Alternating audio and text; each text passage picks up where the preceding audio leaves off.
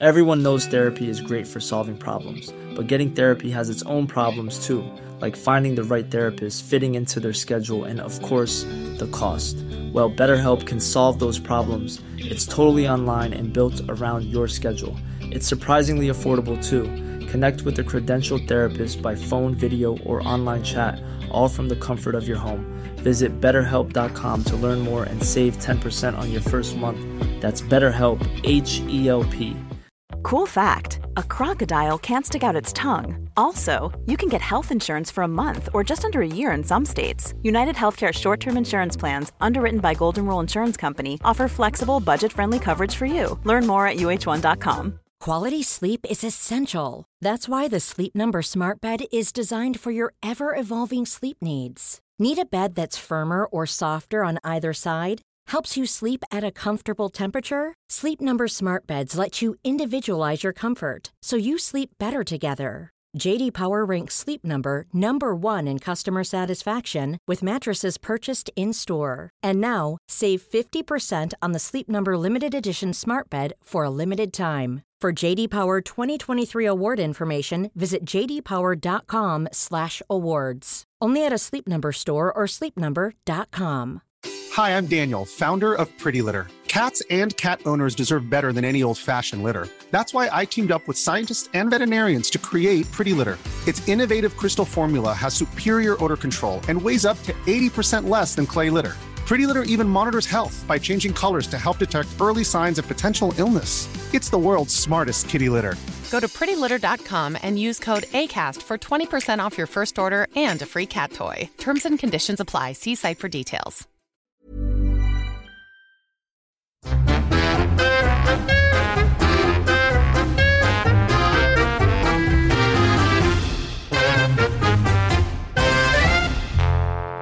Hej och välkomna till Inte din morsa.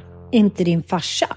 Nej, det, Det är vi inte. Undrar vi skulle vara som farsor. Vad är de främsta pappaegenskaperna tycker du? Vad är liksom, vad är det, om du tittar på din egen pappa versus liksom vad, in, vad han inte var och det han var. Vad var det som var bra? Nej, men han var he, hade en otrolig... Eh, alltså han har icke-förmåga till att vara självanalytisk. Till vad andra hade för behov. Men det var inte något bra. Nej, jag, nej, nej, nej. men jag tänker så här, för att han var ju väldigt kärleksfull och kändes trygg. Liksom, han, han var ju trygg i sin persona, stora händer, mage, varm, rolig, underhållande. Men han var ju liksom en jättebebis. Det han var var att han var ju rolig, roliga vänner, vi hade ett roligt liv. Men han var ju egentligen aldrig där för oss. Han var ju pappaledig i och för sig. Va? Eller han jobbade ju natt på Expressen. Kom hem vid sex och så gick ju mamma till jobbet vid åtta och då ja, somnade väl han om där. Vi låg och krälade på honom i någon ordning men han var ju då, han tog ju hand om oss då. Men han gick inte på förs eller ni gick inte på förskola och så då? Nej, på något sätt så var vi då hemma. Mm. Gud vad svårt det är, så här, goda egenskaper. Jag älskade ju att vara nära honom. Han har ju liksom en energi som är helt ljuvlig att vara nära när han mår bra.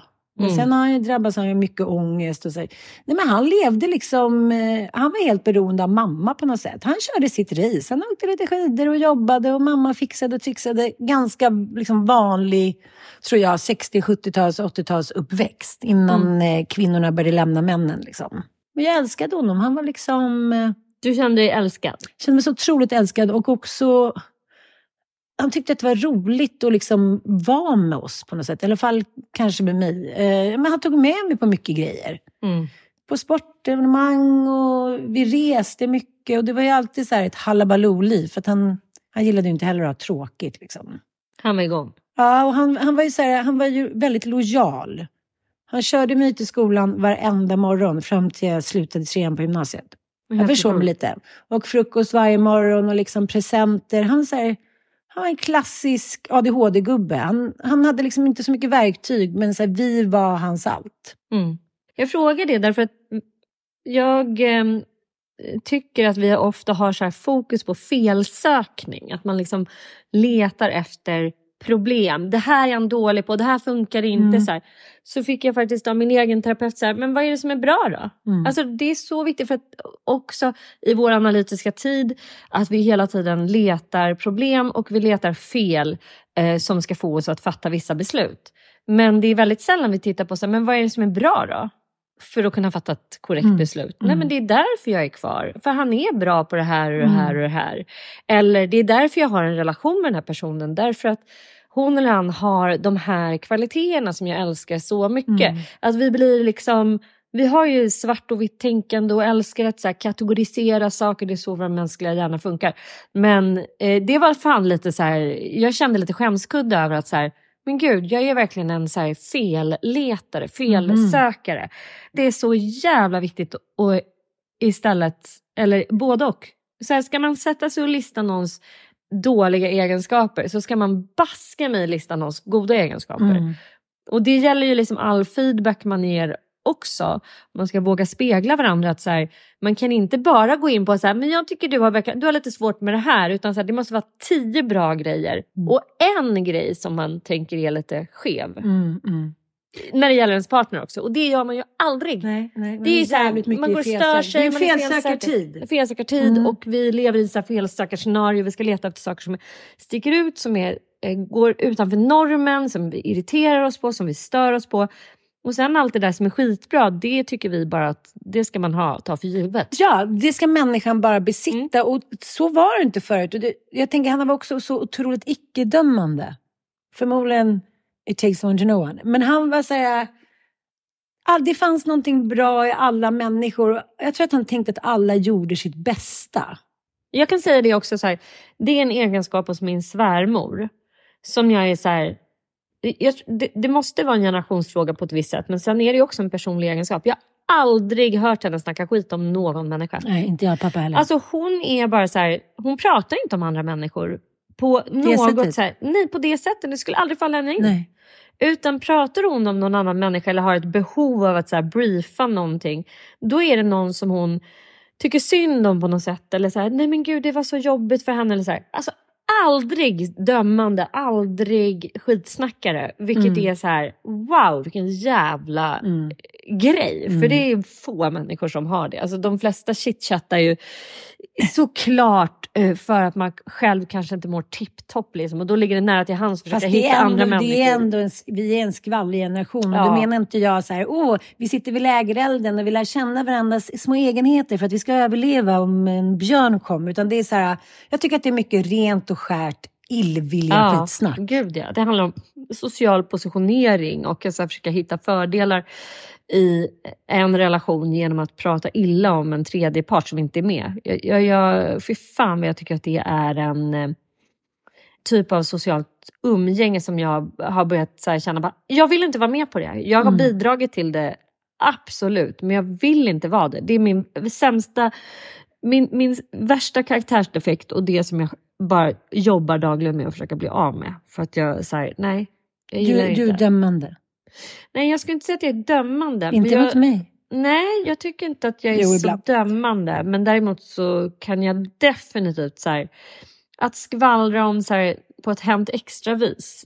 Det har jag inga problem med. Nej, att man så det här, skrattar vitt och brett och rått om Mm. människor som är väldigt Mm. långt borta från en. Som man Mm, faktiskt inte har en aning om Nej, vilka de är egentligen. Så här. Det du är tycker väl det är schysstare. det är under, underhållning. Det är roligt för Men mig. att prata, alltså så den här trianguleringen som vi har pratat om, som har förekommit mycket i min ursprungsfamilj. Mm. Att man i så här, nära relationer pratar om tredje part när den går ut genom dörren. Ja, nej. Alltså i, i, jag tänker så här, i relation med mina föräldrar och mina bröder att så här, oj nu gick han ut. Då är så här, börjar man Mm. problematisera kring Mm. den personen. Alltså det är så skabbigt så att jag, jag vill bara liksom det det försöker jag bara göra mig helt av med. Men det sitter jättehårt som ett mönster. Och det handlar om konflikträdsla, triangulering. Mm, mm, Att man inte vågar säga det till den personen som är i rummet. mm, Så då när den går ut så är man så här, ah, men gud, ja, har du märkt att han är lite mm. la la la la la och så försöker man så här, tro att man problemlöser fast egentligen handlar det om att man skapar en Är rädd relation. Ja, är rädd för svaret, man är rädd för reaktionen, man är rädd för Ilsken. ilskan, man är rädd för eh, liksom vad det ska ge för konsekvenser Mm. framåt och så här. Så att det är spännande. Men, men som sagt, det är precis lika viktigt. Börjar man så problematisera kring människor man har kring sig som man har nära relationer, då måste man banne mig börja med också tänka mm. vad finns det för resurser i den här mm. relationen? Vi kan inte bara tänka på det där geggiga svarta o, o och jag tycker att det där är så intressant det vi pratade om, som, om vi ska prata om eh, vårt favoritämne Linda Skugge. Att det är så många som hörde av sig och även privat så är det så många som tycker till. Mm. Hur kan ni försvara, ni sett de där filmerna hit. Att alla på riktigt är tvärsäkra 2023 att de har hela bilden av en människa. Mm. För att det är det vi har sett på Instagram och det är det jag vet och det är så man bara säger, du vet ingenting. Ingen vet någonting om mig heller. Ingen vet liksom allting om någon. Det finns några få vänner som nästan vet det mesta om en. Ja, men vet du, slog inte det dig när din pappa dog? För det, det slog mig när mamma dog som jag tänkte att så här, vi delar ta med fan DNA. Jag vet allt om henne. Jag vet exakt vem hon är. Så bara, nej, jag vet ingenting. När vi gick igenom hennes lägenhet och man bara såg vad hon hade fattat för typ av beslut eh, angående liksom att städa undan sitt liv. Och, man bara, nej men jag vet ingenting om mm. henne. Mm. Och det är den, en av mina så stora sorger, jag bara tänker alla ni som lyssnar som har föräldrar i livet. Gör den där intervjun ja. med dem, sätt er och banda in. Fy fan vad mycket så obesvarade frågor jag har mm. om hennes liv som ingen någonsin kommer kunna svara på. Mm. Någonting som jag, jag ska inte säga att jag är bitter över det, men det är liksom så här, jag kan typ inte förlåta mig själv för att jag var så ointresserad av, alltså så, här, så är det ju med alla som dör eh, hastigt eller vad man ska säga och mm. alldeles för tidigt. Att man har ju liksom inte hunnit med att göra bokslut. Mm. Men bara den grejen att man säger, jag bara, bodde hon i Hack Föddes hon i Hackås? Var föddes hon? Alltså så här, jag kan bli galen. Man bara, jag vet inte det här. Och nu, min ena morbror som är vid livet, han har blivit dement. Och min andra morbror har jag liksom nästan ingen kontakt med. Men det är så här, jag måste höra av mig till honom för att liksom få reda på typ exakt i vilket hus min mm. mamma föddes. Mm. Alltså, och så här, varför, vem var hon ihop med då? Allt det här som man också så glömmer bort för att man inte har skrivit ner det. Och vilket hus? Var, när, varför flyttade de till Brännkyrkagatan? Alltså, det är så mycket obesvarade frågor. Så man vet baske mig, fan mig absolut inte allt om någon som man ändå har delat hela sitt liv och DNA med. Det som var lätt med Pappis, med Köris, att han var lite så här, what you see is what you get. Han hade inga dolda agendor. Men inte liksom, jag tror inte att så här, han var inte lagd åt det hållet. Jag tror så här, han hade en harmonisk upp växt med sin lillebrorsa Sollis. Alla ska må bra, och alla ska vara... Men de levde ju i den där villan och liksom... Det var ju bara sport.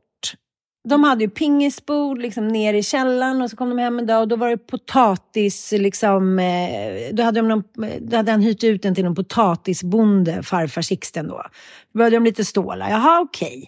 Alltså det var så här, man bara levde på på något sätt. Och sen så det som jag också tycker att han gav mig, förutom han gav mig ju litteraturen. Mm. Han läste ju en bok per dag.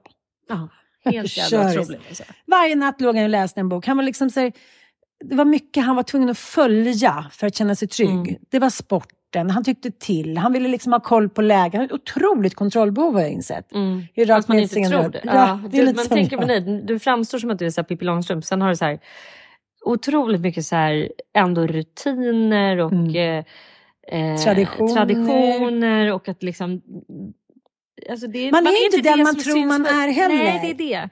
Och, och det här litteraturen, att han alltid läste för oss varje morgon och liksom att man skulle vara hel och ren. Modet, de var ju båda otroligt intresserade av mode. Och så här, att han hade så mycket vänner och var så älskad. Trots att han kanske liksom inte alltid eh, ja, kunde leverera. Så var det så, han är alltid schysst, han är den roligaste. Och kom ihåg nu sist här när vi var ute på landet och hoppade han ner naken med Pille liksom, han har också haft en del där han har varit mycket bjuckar, haft sina tjejkompisar. Det är liksom aldrig någon som har varit arg på honom. Trots mm. att han har varit dubbelförlovad och dit.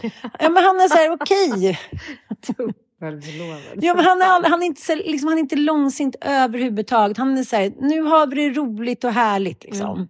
Mm. Och idrotten har han gett mig. Mm. Det är viktigt att röra på sig, åka skidor. Han har gett mig mycket. Liksom. Han var ju friskisbulle och gilla mat och liksom det här sociala. Att så här, han var jävligt duktig på det han var. Det som jag tyckte var så roligt när han gick bort i de här eftermälet, när folk skrev om, hon- om honom, Mm. eller kom fram till mig när man var ute och sa Åh, pappa, gör något bort.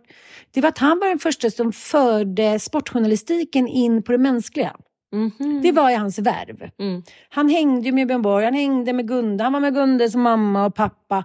Han var liksom en del av familjen. Mm. Han gick liksom bortom den, han ville se personen. Han var ju så här, den första skvallersportjournalisten. Mm. Att han skrev liksom om deras liv. Ja, och han skulle aldrig skriva något negativt eller något skit. Han, ha- liksom, han var bara en schystis. Utan verktyg. Spännande det där med Mm.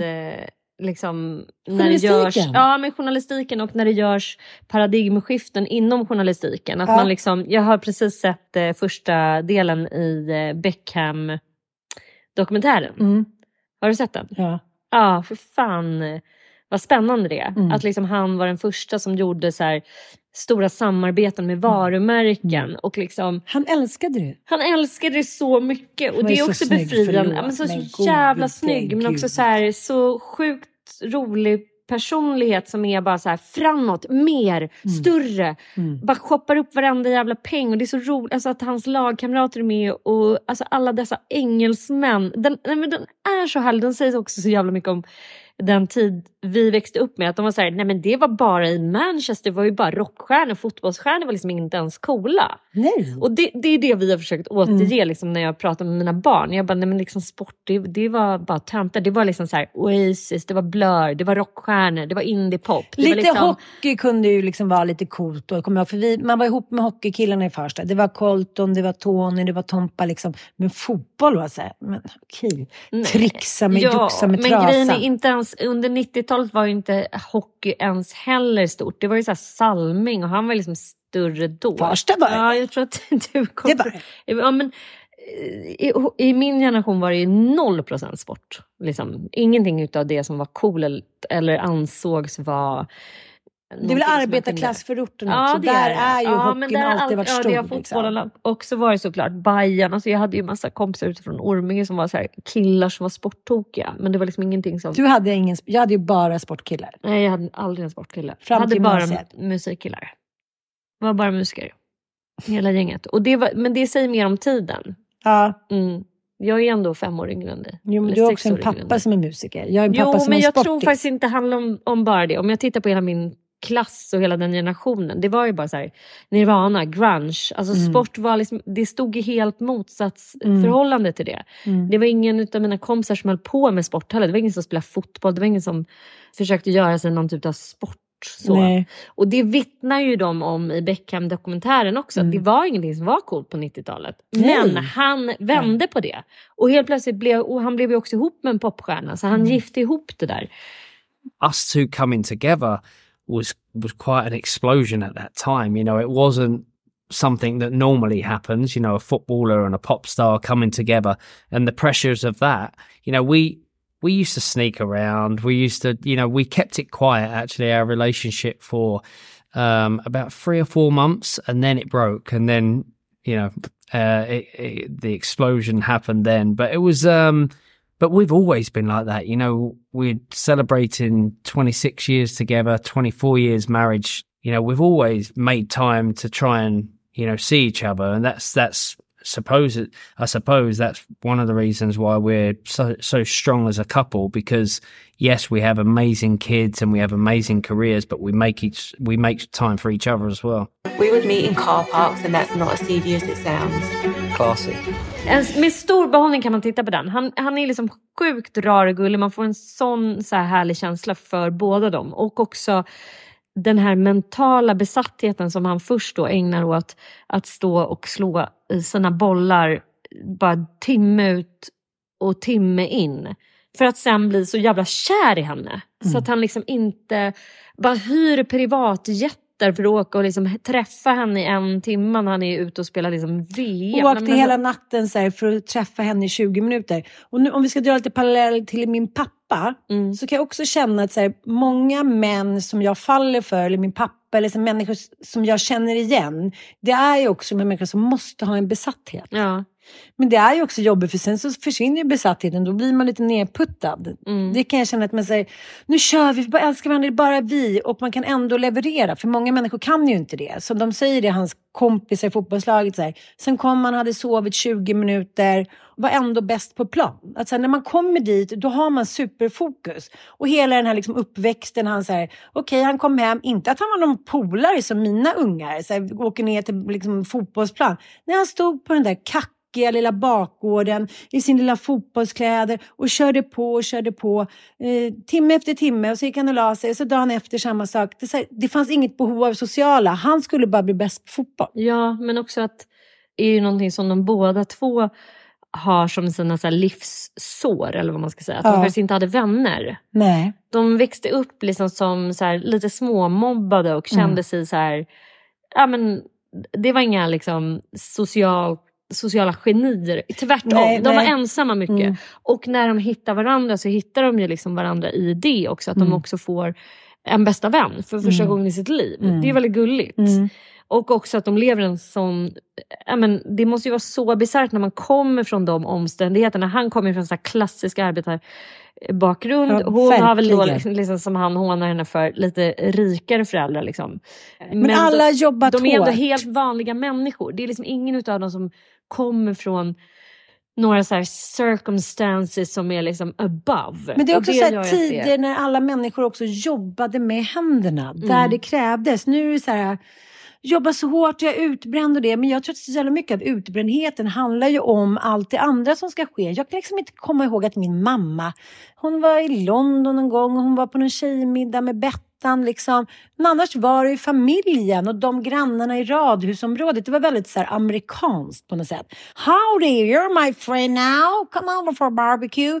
Nu är det så man ska ha sitt ursprungsgäng. Man är uppvuxen på Lidingö, Bromma. Man ska hänga med samma gäng. Så det finns liksom ingen nybyggaranda kvar och det tror jag ställer till det för människor. Att framtidshoppet i det att det var 70, 60-tal, 80-tal, allt var möjligt. Man kunde Men vi ska inte glömma heller att så här, det var helt andra ekonomiska incitament i samhället. Du alltså, köpa en villa för typ 300 000. Ja, du fick så här, egna hems, liksom tomter som min farmor och farfar fick så här, hade möjligheter. Nu lever ju framförallt unga människor i en ganska dystopisk tid. Vi har ju fått göra den här bostadskarriären när borgarna högeralliansregeringarna nu har sålt ut allmännyttan. Det har ju vi kunnat liksom sko oss på. Mm. Men de som föds, alltså våra barn, mm det är liksom den första generationen som kommer ha det så jävla mycket sämre. Och de är mm. såhär, nej, men hur, ska jag kunna spara ihop till en insats? Mm. Till en lägenhet. Jag kommer få bo i så här Urkeljunga om jag ska ha råd att köpa 000, mitt måste, boende. Så här, ska ja. du köpa, då ska du kunna betala sex gånger pengarna. Mm. Man bara, men nej, vem liksom fan har råd med det? Ensamstående mammor och pappor. Mm. Det kommer så här,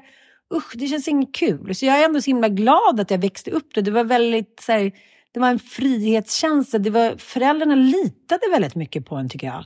Det var inte så här, nej, du, ska du ta cykeln ner till sjön? Man levde så här, ett fritt liv på gott och ont. Mm, verkligen.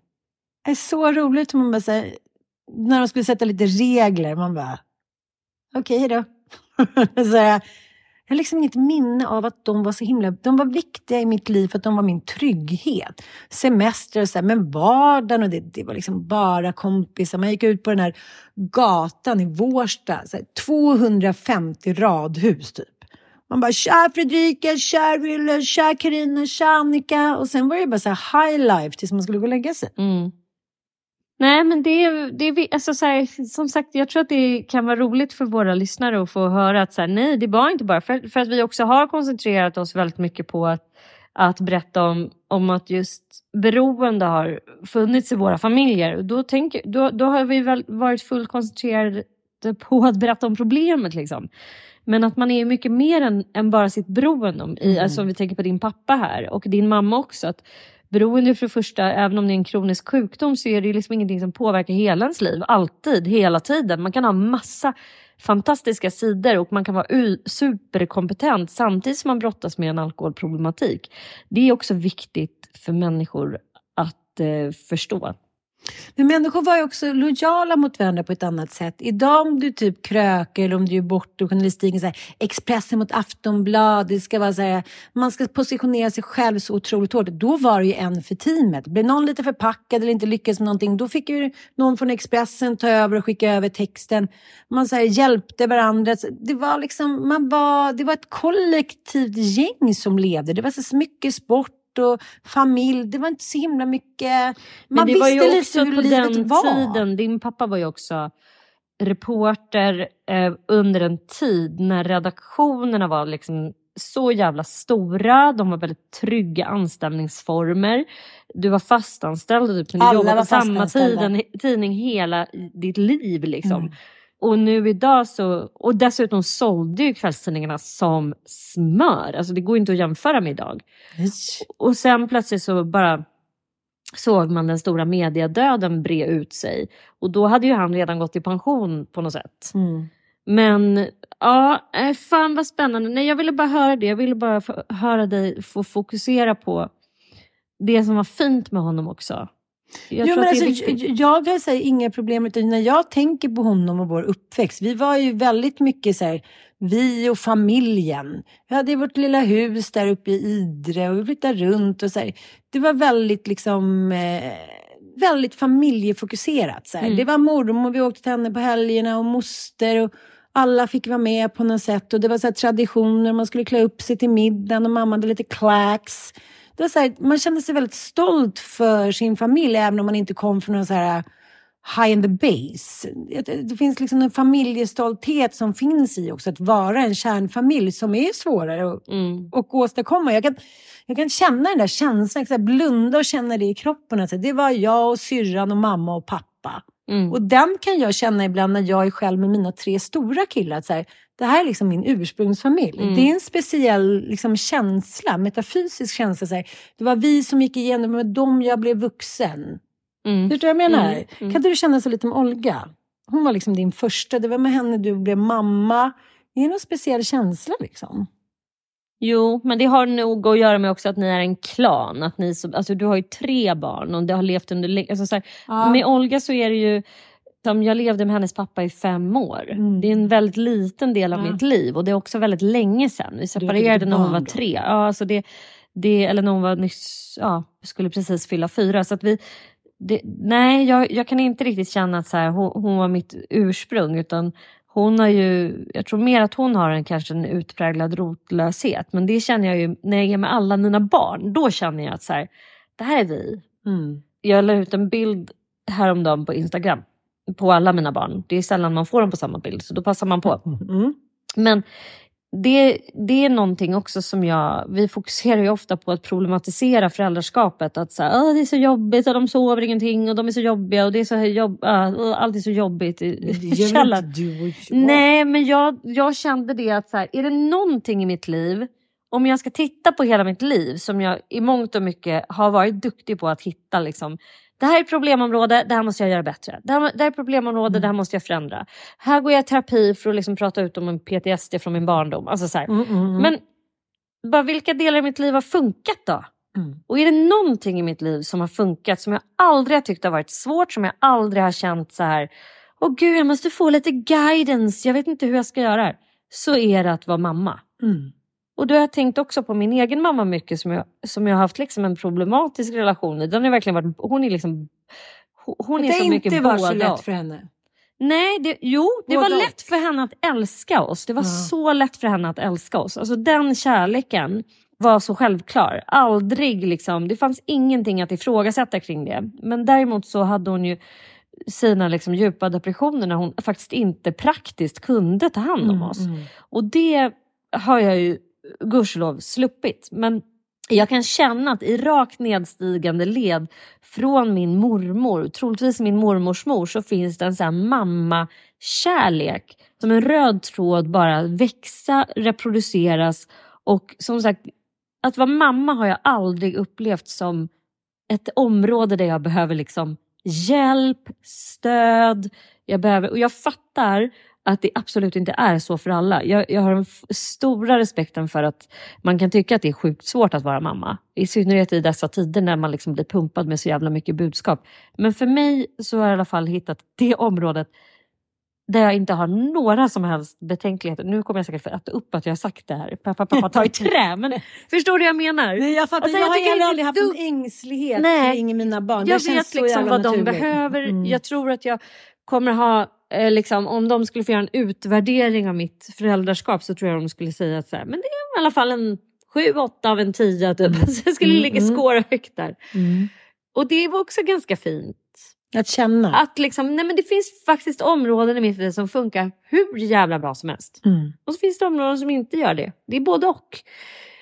Och det, det, jag vet inte vad jag vill säga med det här. Men det är en ny typ av... Nej, men det finns en del av psykologin som heter liksom normal, normal eh, psykologi. När man studerar mänskliga beteenden utan att fokusera på avvikelser. Alltså, så här, vad är en normal Mm. liksom, person? Vad är en Mm. normal personlighet? När man Mm. inte fokuserar på det som som, som stör eller som kan ge upphov till konflikter eller till att man uppfattas som märklig eller udda eller konstig eller normöverskridande eller liksom svår. Eh, Vad är det normala? Och det görs ju jättemycket studier på det. Mm. Det är väldigt spännande. Jag fattar.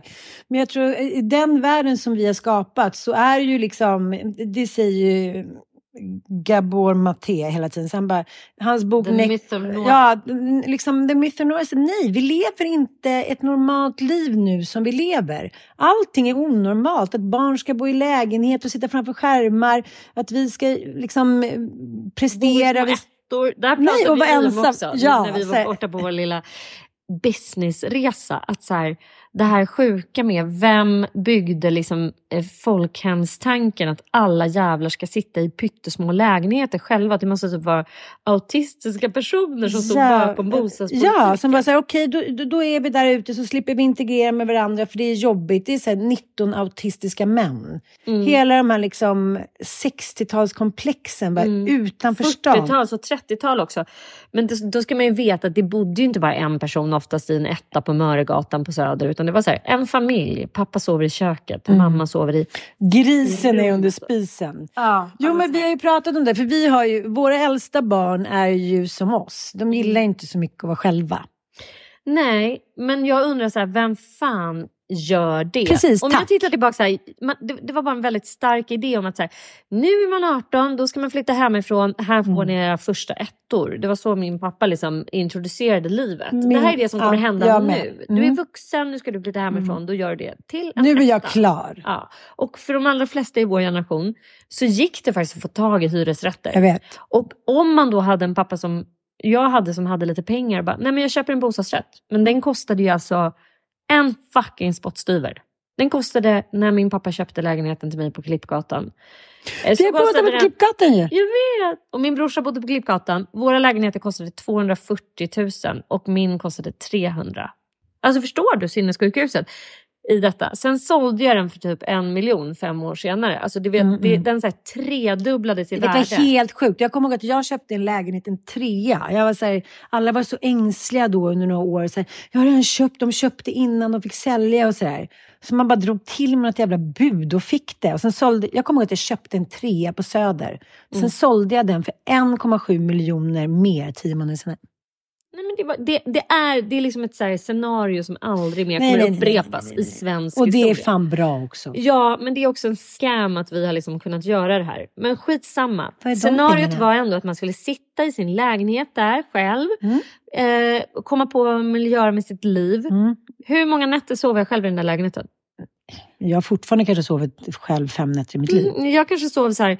Nej, men jag bara, så här, men det var när jag bodde själv på Klippgatan. Så här, nej, nej, nej. Inbilla dig ingenting. Jag hade liksom jag kanske sov själv tre nätter. I övrigt så hade jag ju liksom min pojkvän där eller liksom någon kompis som inte hade någonstans att bo eller någon innebo. Alltså så här, någon nyfunnen vän. Så, alltså, jag var inte ensam en sekund. Nej. Och så när jag var det, då bodde ju min brorsa rakt över gården.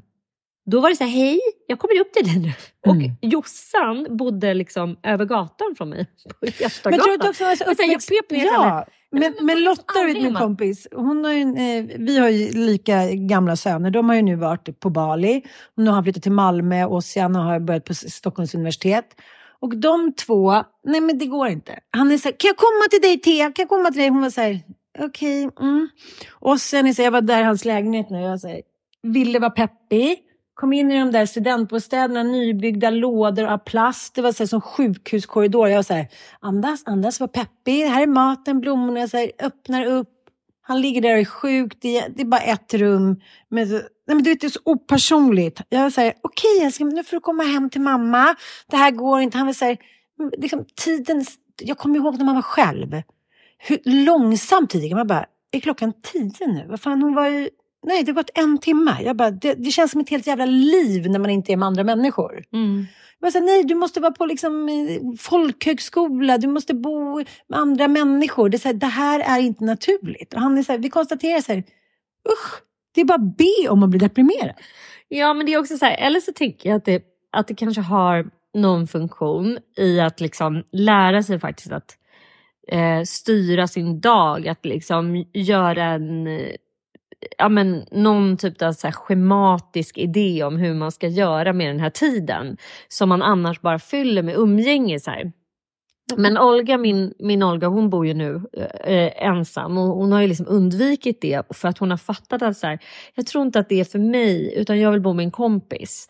Vilket hon har gjort. Men nu eh, så har hon ändå bott själv och har liksom utvärderat det efter tio månader att så här, nej, this is not for me. Nej. Det här är liksom, jag blir på riktigt Mm. deprimerad. Mm. Jag ska inte bo själv. Och nu går hon på folkhögskola och bor på internat. Och är så här, hennes mående har liksom gått från att vara en så här lågmäld liksom, depression till att hon bara, nej men det var det här som var lösningen. Mm. Apropå att så här, problemfokusera och tänka då så här, nej men hon har en depression, vad kan det Mm. bero på? Det är för att Mm. du inte bla bla bla. Nej, Mm. den simpla lösningen, Mm. det simpla fucking svaret handlar bara om att hon vill liksom inte vara isolerad och ensam. Vara med andra människor, Vara, ja. Ha andra människor kring sig. Vilket är Mm. så här, apropå the myth of normal. Ja, det är inte normalt att bunkra in sig när man är 20 år i en liten ensam etta. Och Laga mat till det sig själv, Här gör typ. jag mat till mig själv. Här är jag liksom, man, man får betrakta den typ vistelsen i den där ettan som att det är någon typ av så här klosterliv som man typ ska klara för att stärka si- sin disciplin eller någonting. Jag Alltså, sov det, typ det. Man ska aldrig tänka att det är någonting som är normalt. Ja. Ja, och sen så Perre, min dåvarande kille, han och hans mamma bodde ju i huset mitt emot. Inte så att vi ville vara själva i min lägenhet. Nej. Nej, för vi ville ju vara ett ombonat hem, det fanns mat hit och nu när jag är lite i samma situation så är jag så här, okej, förlåt Anita, förlåt Perres mamma. Men eh, jag vet inte, det är väldigt få människor. Men två av mina bästa kompisar genom åren som jag har gjort mest med och som jag har bart mest med, det är ju Lill-Åsa och Stina. Mm. Och båda dem. Jag bara, jag kommer nu. Nej, nej, jag håller på att sminka mig, håller på att fiffa lite. Jag bara, jag kommer nu, jag vill sova hos dig till Åsa. Hon var så här, nej. Jag bara, vi bodde mitt emot varandra, jag kunde vinka till henne. Hon bara, men gud sluta med din walkie-talkie, jag tänker inte svara. Typ. Jag bara, hallå, Ann till Åsa typ. Ann till Åsa, hon bara, du har köpt barn-walkie-talkie. Så fick jag liksom komma, jag fick vänta en timme så att jag väntade på att jag skulle få audiens i hennes etta. För det var mycket mysigare och lite arkitekt. Men hon gillade att vara själv. Hon älskar att vara själv. Hon bara, då får du komma med en halvtimme för nu ska jag sminka mig, ta en liten cigg pillers, en liten drink. Sen kan du komma. Jag bara... och sen flyttade hon till en etta och en halva, 300 meter bort. Nej men det var ju öken. Du kunde inte ens vara nära hennes sfär. Nej. Sen flyttade ju hon och började på konstskola i Göteborg och flyttade eh, till Cefan. Och du vet, det är den värsta krisen i mitt liv. Hon sa på någon tjejmiddag häromdagen, hon bara, jag skulle alla övergivit dig. Då dog min mamma, pappa skenade i sin alkoholism, min syrra hade en ny familj och var så här, försökte liksom hela sig själv. Äh, fan, jag var så ensam. Och så flyttade Åsa. Jag var så här, det var som så här, hej då, liv. Men vad gjorde du då? då? Men då startade jag ju tidningen Solo. Vad bra, du bara kastade dig in i arbetet som en sån så Ja. Och Vadå? chili. Men hur, ja, chili ja. Mm. Men gud, men alltså du, det, blev måste ju ha varit någon som ändå har liksom dragit in dig i det. Nej, men jag jobbade ju på Kattne, Katrineholmskuriren. Jag var Mm. ihop med Johan Reuteling då. Och sen lämnade jag honom. Sen när mamma blev sjuk, då ville hon att jag skulle bli ihop med honom igen. jag kommer ihåg, hon var så arg på mig. Hon bara, du förstår inte hur få bra män det finns. Jag var så här, alltså, du vet. Hon var så här, stanna där och håll fast vid honom typ. Man bara, okej då, nu ska jag dra till USA typ. Nej, så jag jobbade, jag, liksom, jag jobbade dygnet runt. Jag bodde ju typ på den där, sov där på soffan. Det var ju jag och Charlotta eh, Flinkenberg. Flinkenberg. Men blev ni så här headhuntade då? Ja, För ja. att starta tidningen Precis. Solo? Mm. Ja, och Chili? Nej jag, nej, men jag jobbade ju på tidning. Jag sökte ju mitt enda jobb som jag har sökt. Det Mm. var ju på Frida förlag. Mhm. För då jobbade jag på Katrineholms-Kuriren som Mm. Malmöreporter. Mm. Och tänkte så här, då ska jag bo där. Och sen åker jag hem på helgerna. Lycka till. En natt i den där ljusblå lägenheten. Jag var så här, det är något som har hänt. Jag har detonerat en bomb. Då kommer man ju från Stockholm. Och Mm. helt plötsligt var man i Katrineholm där allting dör vid fem. För då börjar folk gå in och käka och sen sporta. Då. Ja. Så, så här, klockan fem så släcktes hela stan ner. Så jag sov där en natt och sen pendlade jag ju. Och så, så jobbade jag där ett år och sen så sökte jag jobb på Frida. Och det var ju så här 700 som sökte. Och så fick jag det som reporter på Frida förlag. Mm. Och då började precis Charlotta Flinkenberg där. Då ökade vi alltså Fridas upplaga från 25 000 till 125 000 på två år. Oj! För då kom hela den här eran med Backstreet Boys som jag var träffade. Eh, då, blev vi, då blev vi en blandning av tjejtidning och Okej. Så att vi också, så här, de, i tidningen fick de ju först de här planscherna med Backstreet Boys och alla de här Take That och bla bla. Ah. Och sen så fick de också freebies. Oh, lite Mm. produktproven. och Det lite var deo. läpparglans och det var, så här, det var en liten bok, så gör du, så, här, så suger du av någon. Och så, nej, men det var liksom så gränslöst allting. Varje, liksom, de fick de här planscherna och så fick de eh, något props varje gång. Och det Ja. kunde ju vara så här, en sminkgrej, en liten bok, en liten sjal. Och så ja. satt vi där och liksom, vi skickade till Malaysia varje vecka. Kom ut varannan vecka. Ove, Ove var vår chef, han började med att sälja blöjor i sin bil. Han var extremt snål och sitter så här bra så han sa så här, vi drar till New York. När vi hade nått så 125 000. Typ. Ja, men det var liksom galenskap. Vet, han cashade in så hårt så att han var så här, köpte sommarställe. Jag satt vi och slavade typ och satt på pizzerian och så här, jobbade över varenda kväll. Så här. Och så sa han, nu ska vi åka till New York. Och så bokade han tio dagar. Oj. Så han och hans fru Inger som satt i receptionen med den där lilla hunden. Hej, hej. Typ skadeskjuten fågel. Vi åkte hela gänget, Solo och Frida. Jag tog ju bara in kompisar. Burre var journalist, Lillåsa och, och Brisan. Mm. Lillåsa var modechef, Brisan var ju AD. och vi var där i tio dagar. Och efter några dagar så insåg han att vi ville ju inte vara med honom och Inger. Vi ville vara ute och festa och ligga med killar och bla bla bla. Och då, eh, då blev det ju drama. Aha. Så han bara gav oss typ så en klumpsumma med dollar och bara, ha det så bra. Typ. Han tyckte vi var otacksamma. Ah, Mm. på er liksom kick-off-resa. Mm. Ja. Mm. Men vad hände då? Fick du sparken då eller? Nej, nej, jag kommer inte ihåg vad men han tyckte bara att vi var otacksamma på något sätt. Så Mm. han var så här, okej, eh, jag och Inger, vi, eh, inte vet jag, ni får vara, vara själv, liksom, här har ni pengar så ha det så bra era otacksamma jävlar typ. och sen åkte vi hem, nej, vi jobbade på där. Det var liksom, det var det jag gjorde, jobbade. Mm. Och festade liksom. Och knullade runt. Ja, men så som folk gjorde. Tillbaka till Johan Kronomans bok. Mm. Kanske ska dejta Johan Kronoman. Ah. Gubbe. Han är alkis. Nej, det är inte bra. Nej, han är Nej. nykter nu älskling. Aha, men det är Ja. bra. Ja, det är nykter. Nej, jag skämtar bara. Nej, men just det där som han säger, att, men tack gode gud för jobbet. Tack gode gud för liksom vinet ibland och spel och dobbel. Att så här, det är ändå någonting man håller sig fast vid. Och så var ju min pappa också. Jag tror att det är också en generation att hur rörigt allt var. Så han lämnat sina två DN-krönikor två gånger i veckan Mm. Ja, i 20 år. Nej, men jag håller med om det. Apropå att hitta liksom, områden i ens liv som, som funkar, som fungerar, som är lustfyllda, som Mm. inte är liksom källa till lidande eller vad man ska säga. Nej, men om jag Så inte hade jag haft fast anställning då så hade jag nog Nej. Att gå Nej. dit varje dag med sina kompisar och jag tänker så här, vi jobbade ihjäl oss. Jag tappade rösten, håret. Så Idag om man skulle så att de effektiva timmarna så kanske det kanske inte hade varit så här 16 timmar per dag. Vi bara går ner till pizzerian och käkar. Nu ska det vara gamfest. Då tog vi allt smink och parfym. Så alltså, gamfest. Fick alla katter. liksom, det var ju typ som vänner. Ja, Mm. tv-serien Vänner ja. Mm.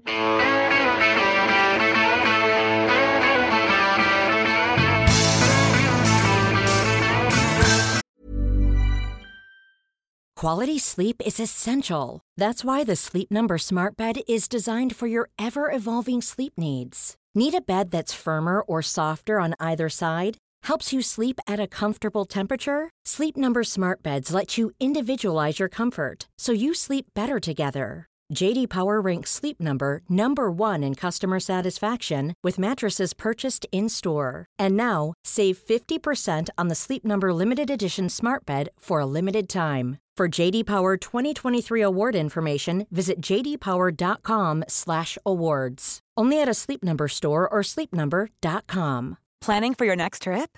Elevate your travel style with Quince. Quince has all the jet-setting essentials you'll want for your next getaway, like European linen, premium luggage options, buttery soft Italian leather bags, and so much more. And is all priced at 50 to 80% less than similar brands.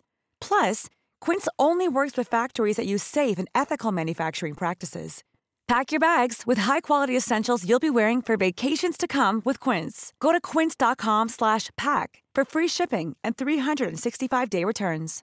Cool fact a crocodile can't stick out its tongue. Also, you can get health insurance for a month or just under a year in some states. United Healthcare short term insurance plans, underwritten by Golden Rule Insurance Company, offer flexible, budget friendly coverage for you. Learn more at uh1.com. Everyone knows therapy is great for solving problems, but getting therapy has its own problems too, like finding the right therapist, fitting into their schedule, and of course, the cost. Well, BetterHelp can solve those problems. It's totally online and built around your schedule. It's surprisingly affordable too. Connect with a credentialed therapist by phone, video, or online chat, all from the comfort of your home. Visit betterhelp.com to learn more and save 10% on your first month. That's BetterHelp H E L P.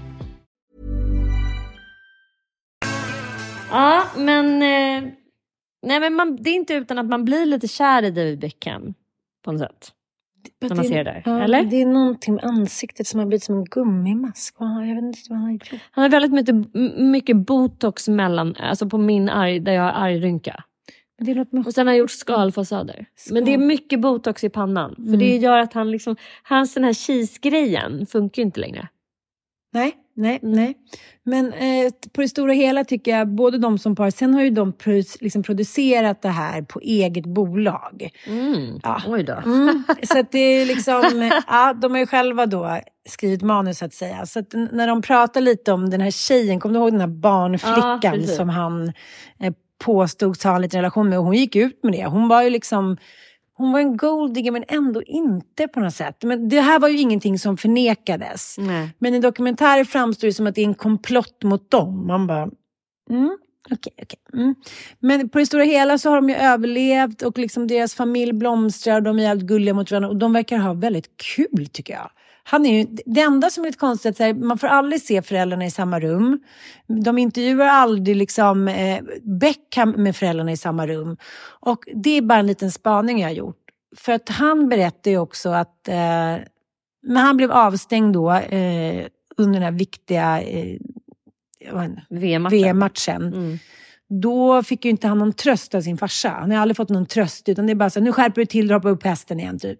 Ja men det är ju någonting som är lite så här, både och med, med Beckhams pappa. Det är så jävla obviously att han blir liksom fotbollsspelare för att hans pappa älskar fotboll. Mm. Och det är hans pappas högsta dröm att liksom sonen ska spela typ ett VM i engelska landslaget. Nej, men han skulle ju offra sin fru Ja, och sin familj. Det- är- mm. ja, och det är ju någonting som är både så gulligt eh, utifrån att vi pratar om pappor, men sen är det ju också någonting som är lite sorgligt med det. Att så här, Mm. Den enda gången som han blir bekräftad, uppmärksammad och får känna att han har ett värde, det är ju när han håller på med bollen. Mm. Det, och det är pappans liksom indoktrinering av honom. Sen kan man ju börja älska att spela fotboll ändå och känna att man har det. Men, men han, han blir ju då som sagt, får inget gehör eller stöd när han eh, blir satt på bänken i den här superviktiga matchen i VM. Mm, mm. Mm. Och det är ju samma sak när Zlatan då blir intervjuad av Piers Morgan.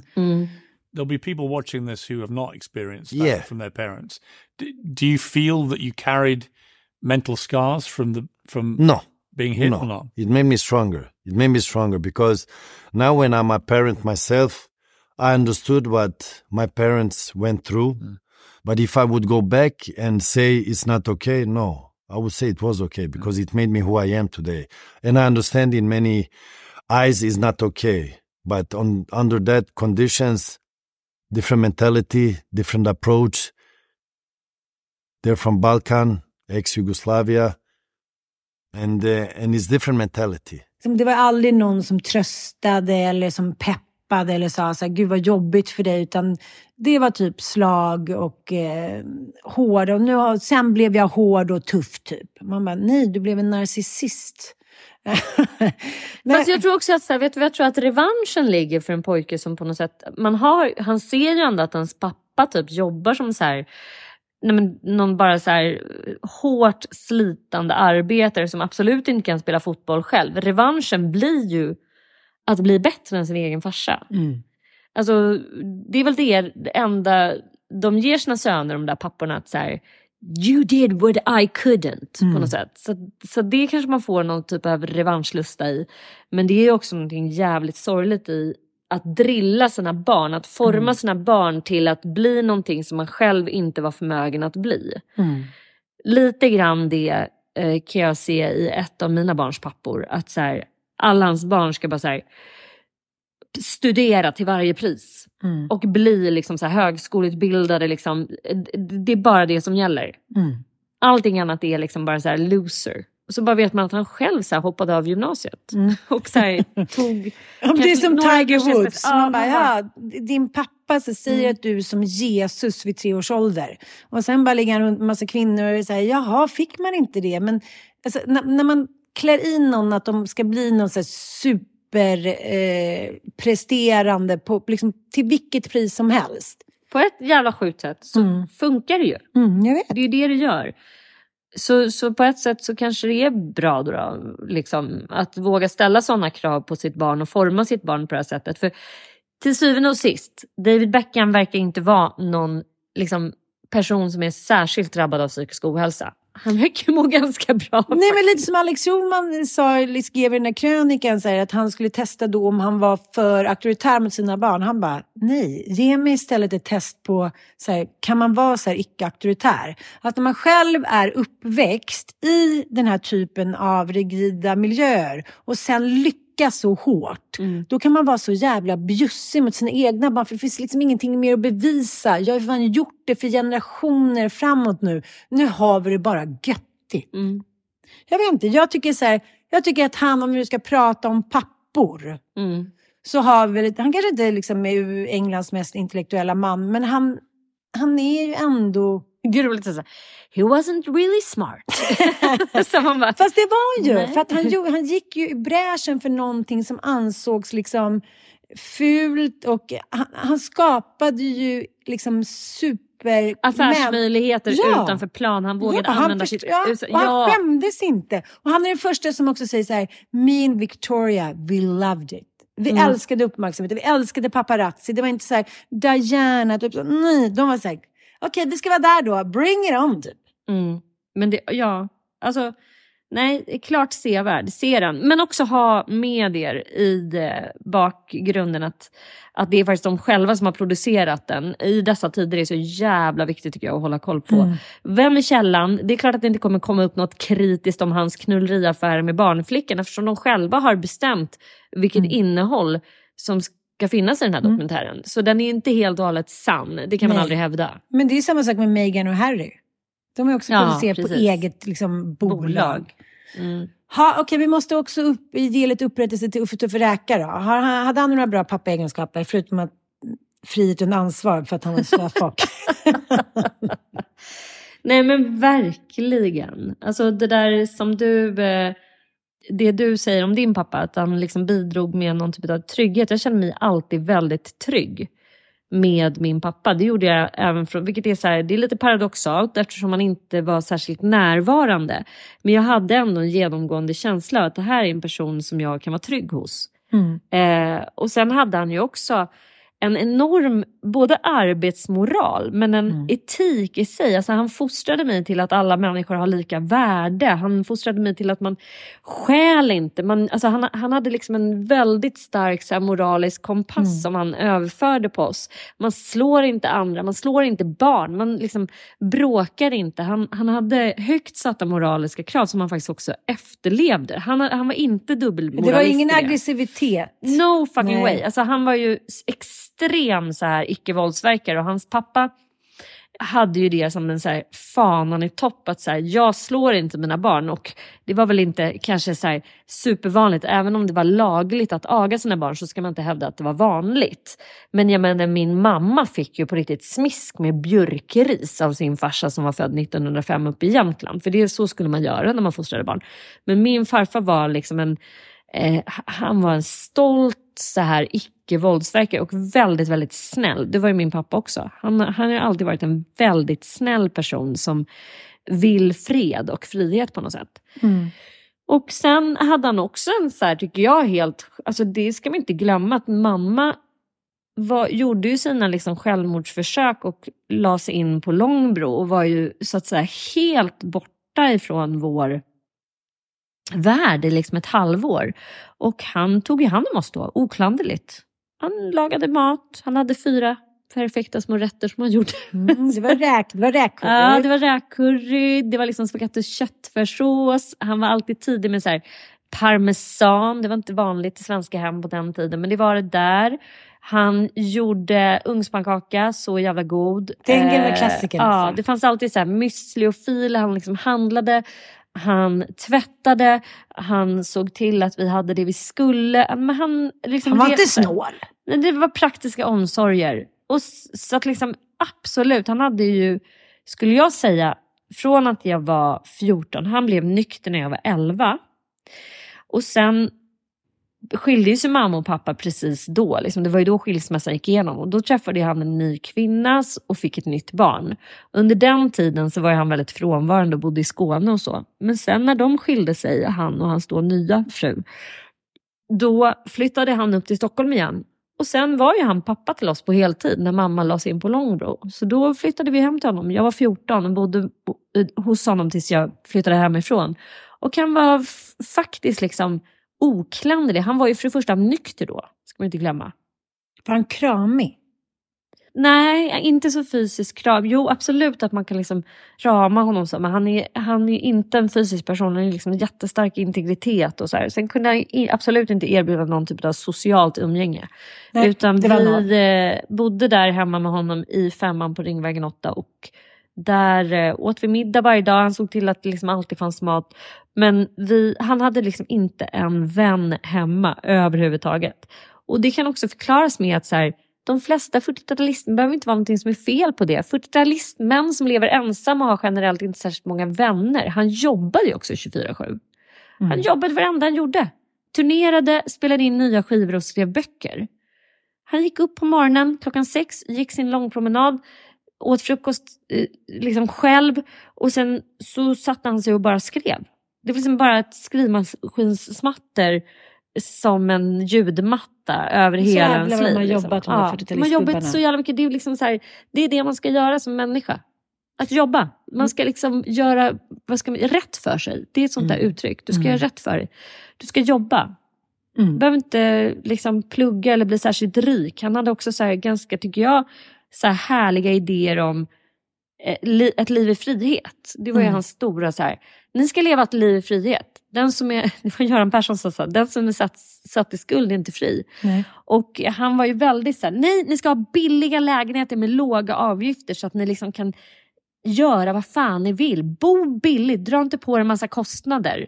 Utan se till att liksom vara fri så att du inte behöver löneslava, utveckla era konstnärskap. Han liksom köpte ju böcker till mig från att jag var älskade ju att läsa. Det, det var fritt. Liksom. Ville jag ha en bok så kunde jag få hur mycket böcker vilka böcker jag ville. Och var ju otroligt supportive i att vi skulle ägna oss åt konstnärlig verksamhet. Du har Det också liksom fått en bra hjärna. Det är bra. Ja, men blir det tror jag mer, jag tror mamma. Ja, mamma, ju, Mm. mamma var liksom väldigt analytisk och mycket mer intresserad av social interaktion. Hon hade ju vänner, det var ju det hon bidrog till i mitt liv. Att hon hade liksom så mycket fantastiska vänner. Hon hade ju kvar sina bästa vänner från att hon var tio år, Eva och Marie. Och hon hade liksom så mycket nära relationer med helt fantastiska kvinnor som berikade mig och mina bröders liv liksom, lika mycket som närmsta familjen. Så att nej, de hade, de hade liksom fantastiska egenskaper fast de var stundtals sjuka, så kan man sammanfatta det. Och det är viktigt. Alltså det är väl det som är, tycker jag, den aha-upplevelsen som jag har fått under den här veckan i den terapiövning som jag fick. Alltså det var så här, ja för fan vad det är viktigt. Och det är tacksamhetslistor jag har skrivit i hundra år, jag har skrivit dagbok, jag liksom ägnar mig verkligen åt att se vad, vad jag är tacksam över i nuet. Men jag har nog fått ompröva jävligt mycket i att skriva liksom så här, vad fan var bra i min barndom då? Vad har jag fått med mig? Jag har ju fått upp obviously jättemycket kärlek, annars skulle jag inte vara förmögen att tycka om människor så mycket som jag gör. Nej. Och jättemycket trygghet och jättemycket eh, liksom, en tro på min egen kapacitet tror jag också. Att, Mm, det har jag också fått med mig. Du kan det här, du kan bli vad du vill. Jag har aldrig varit med om att någon av mina föräldrar har sagt så här, men Anson, det går ju inte. De bara okej, jag bara, då startar jag ett fotbollslag. De bara, ja, ja, ni kan ta eh, tvättstugan där ute som eh, klubblokal. Okej, jag har aldrig känt så här, nej, du är ju flicka. Det var så här, okej. Eller det där, så där kan du inte gå klädd. Eller varför skäms du inte? Så här, Nej, de har alltid stått upp för mig. Mm. Verkligen. Det här fick bli vårt liksom hyllningsavsnitt. Ja. Var bra. Då avslutar vi med sången som din pappa har sjungit för dig. Gör vi? Ja. Sanna. Den är en. Bruceson-låt. Ja, jag vet. du. Jag trodde i alla år att han hade skrivit den till dig. Jag blev lite ledsen. Men det, han har ju skrivit texten. Ja, det är sant. Okej, tack för att du fick räcka för Sannas sång. Puss och kram!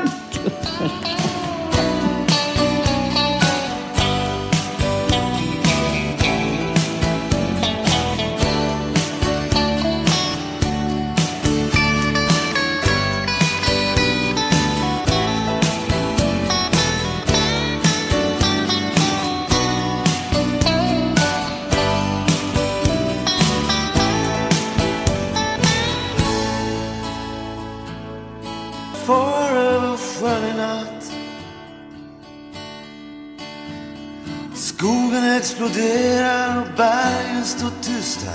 Som alltid, de vet hur man håller sig för skratt. Men nere på dansgolvet finns ingen hejd. Allt måste göras nu innan året är slut. Och bandet spelar Take Me In Your Arms. Och hela hotellet luktar adrenalin och krut.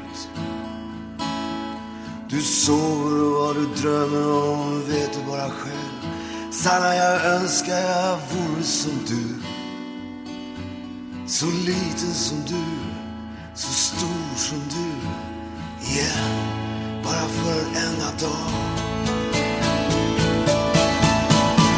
Och Sanna, snart dansar du.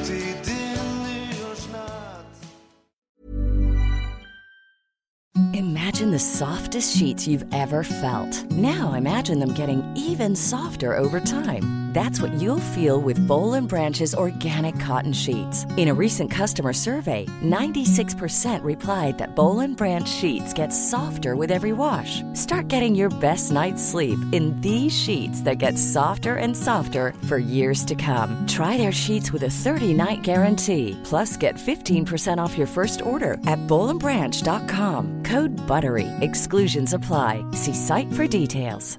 Planning for your next trip? Elevate your travel style with Quince. Quince has all the jet setting essentials you'll want for your next getaway, like European linen, premium luggage options, buttery soft Italian leather bags, and so much more. And is all priced at 50 to 80% less than similar brands. Plus, Quince only works with factories that use safe and ethical manufacturing practices. Pack your bags with high-quality essentials you'll be wearing for vacations to come with Quince. Go to quince.com slash pack for free shipping and 365-day returns. Mom deserves the best, and there's no better place to shop for Mother's Day than Whole Foods Market. They're your destination for unbeatable savings, from premium gifts to show-stopping flowers and irresistible desserts. Start by saving 33% with Prime on all body care and candles. Then get a 15-stem bunch of tulips for just $9.99 each with Prime. Round out Mom's menu with festive rosé, irresistible berry chantilly cake, and more special treats. Come celebrate Mother's Day at Whole Foods Market.